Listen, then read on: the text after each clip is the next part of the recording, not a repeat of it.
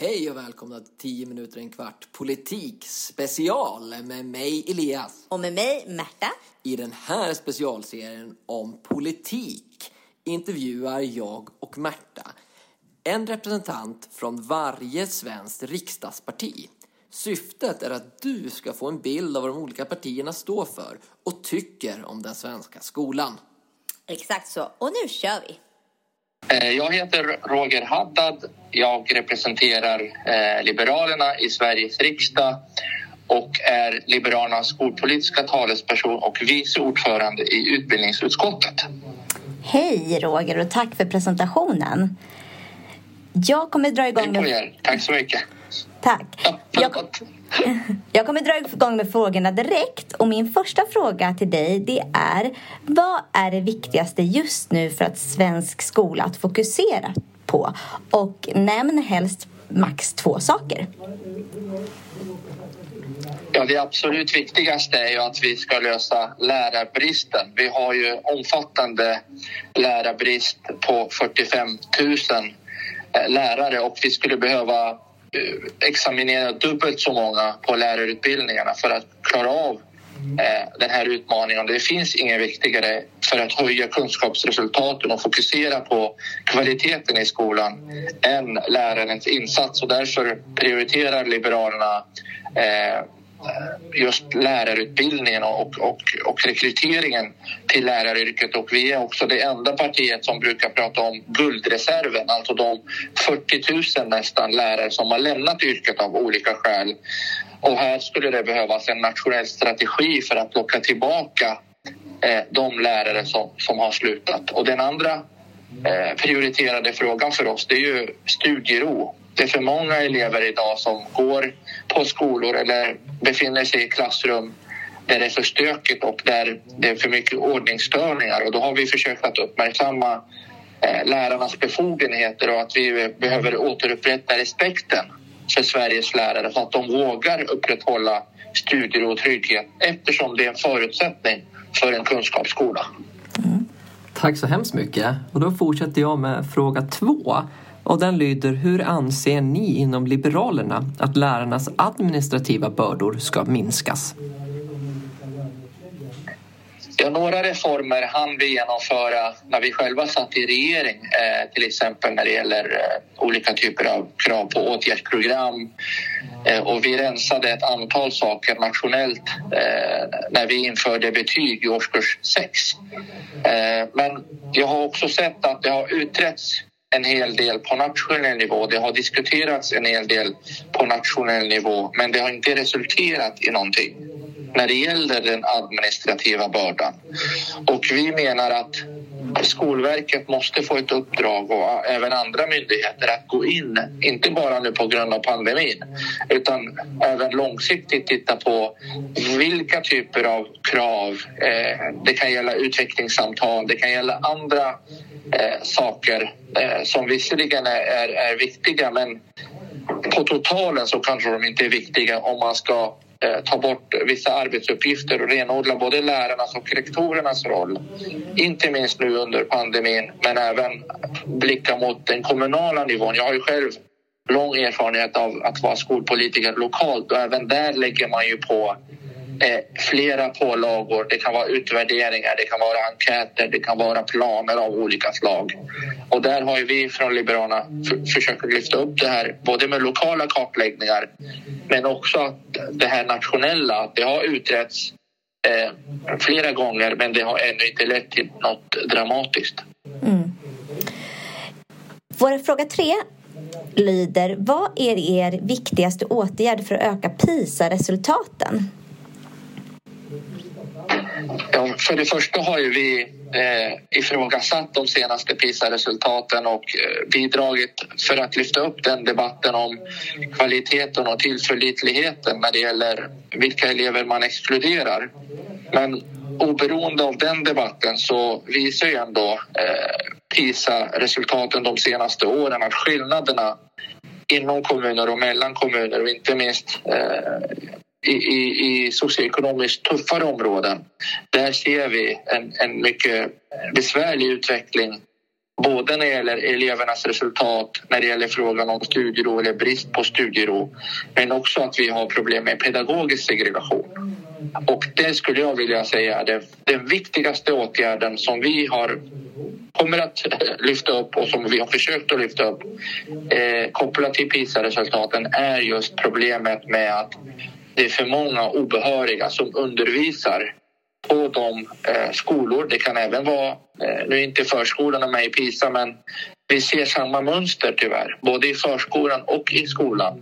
Att i de här områdena med de tuffaste uppdragen, med de elever som mest och bäst behöver utbildade behöriga lärare så går det åt, åt, åt andra hållet. Nämligen det är många obehöriga men det är också många som är nyexaminerade eller inte har tillräckligt, tillräcklig erfarenhet av läraryrket. Mm. Så det behöver vi eh, angripa, den pedagogiska segregationen. Okay. Och när anser ni inom Liberalerna att elever ska få sina första betyg?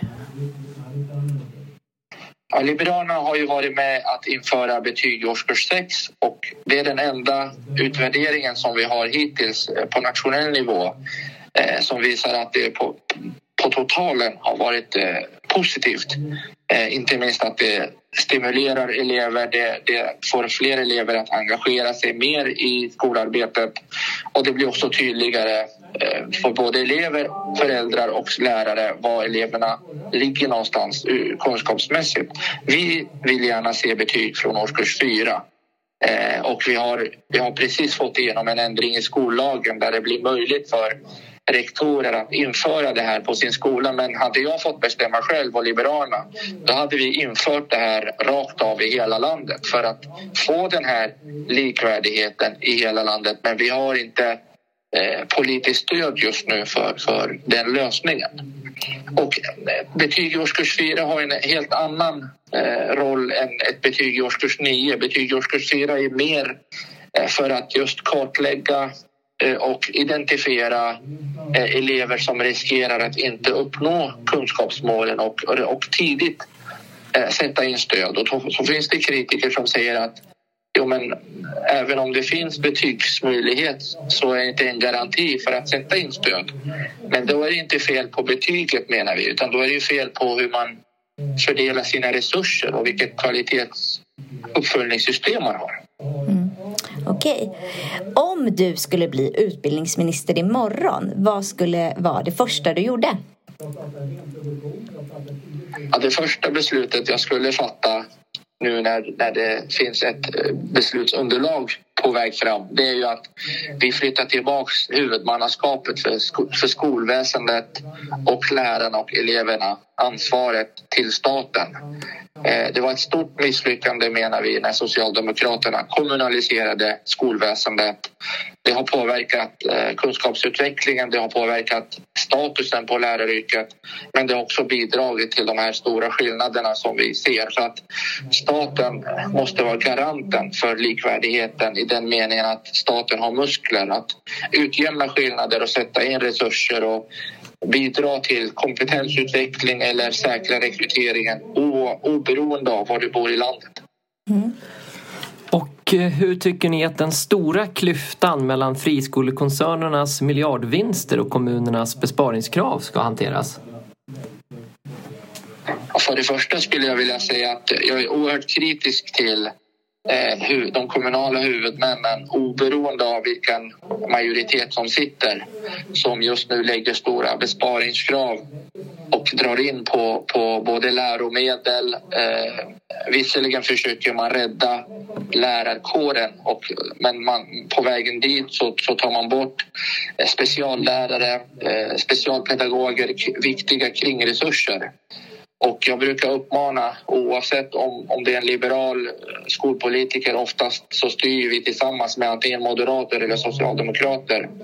Och det är ungefär 50-50 runt om i landet. Eh, så brukar jag säga att vårt uppdrag är att prioritera skolan först och eh, säkra eh, resurser så att rektorer och lärare kan ta sitt ansvar. Sen när det gäller generellt frågan om resursfördelning mellan kommunala och friskolor Dels har jag aviserat redan för ett halvår sedan. Eh, både i november och december var jag ute i nationell media och eh, föreslog justeringar av, av ersättningsmodell och översyn av ersättningsmodellen eh, när det gäller skolpengen. Men jag har också lett ett, ett arbete i partiet Eh, ett skolpolitiskt program som ska presenteras inom kort eh, där jag får återkomma. Men, men där har vi också förslag på hur man ska kunna eh, justera i dagens system som får effekt både på de kommunala och de fristående skolorna.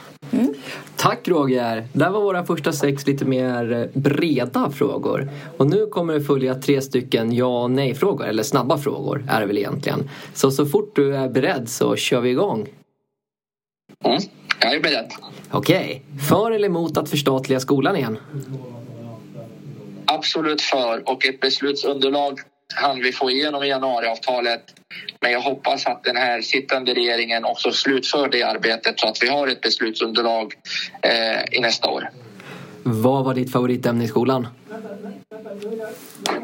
Det var samhällskunskap, inte minst eh, när jag kom upp i högstadiet eh, här i Västerås så hade vi en väldigt engagerad SO-lärare som, som såg det här att jag var intresserad och han gjorde olika tävlingsmoment och man kunde vinna både pennor och sudd och jag var nog en av dem som eh, vann, vann en hel del pennor och det beror på, ja, han var, han var jättebra och eh, det var framkom tydligt att jag gillade samhällskunskap och, och inte minst politik redan då.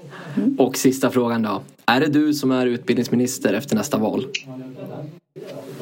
Ja, det får vi hoppas. Det kräver självklart att eh, många eh, väljare också lägger sin röst på Liberalerna om man vill ha en eh, liberal utbildningsminister.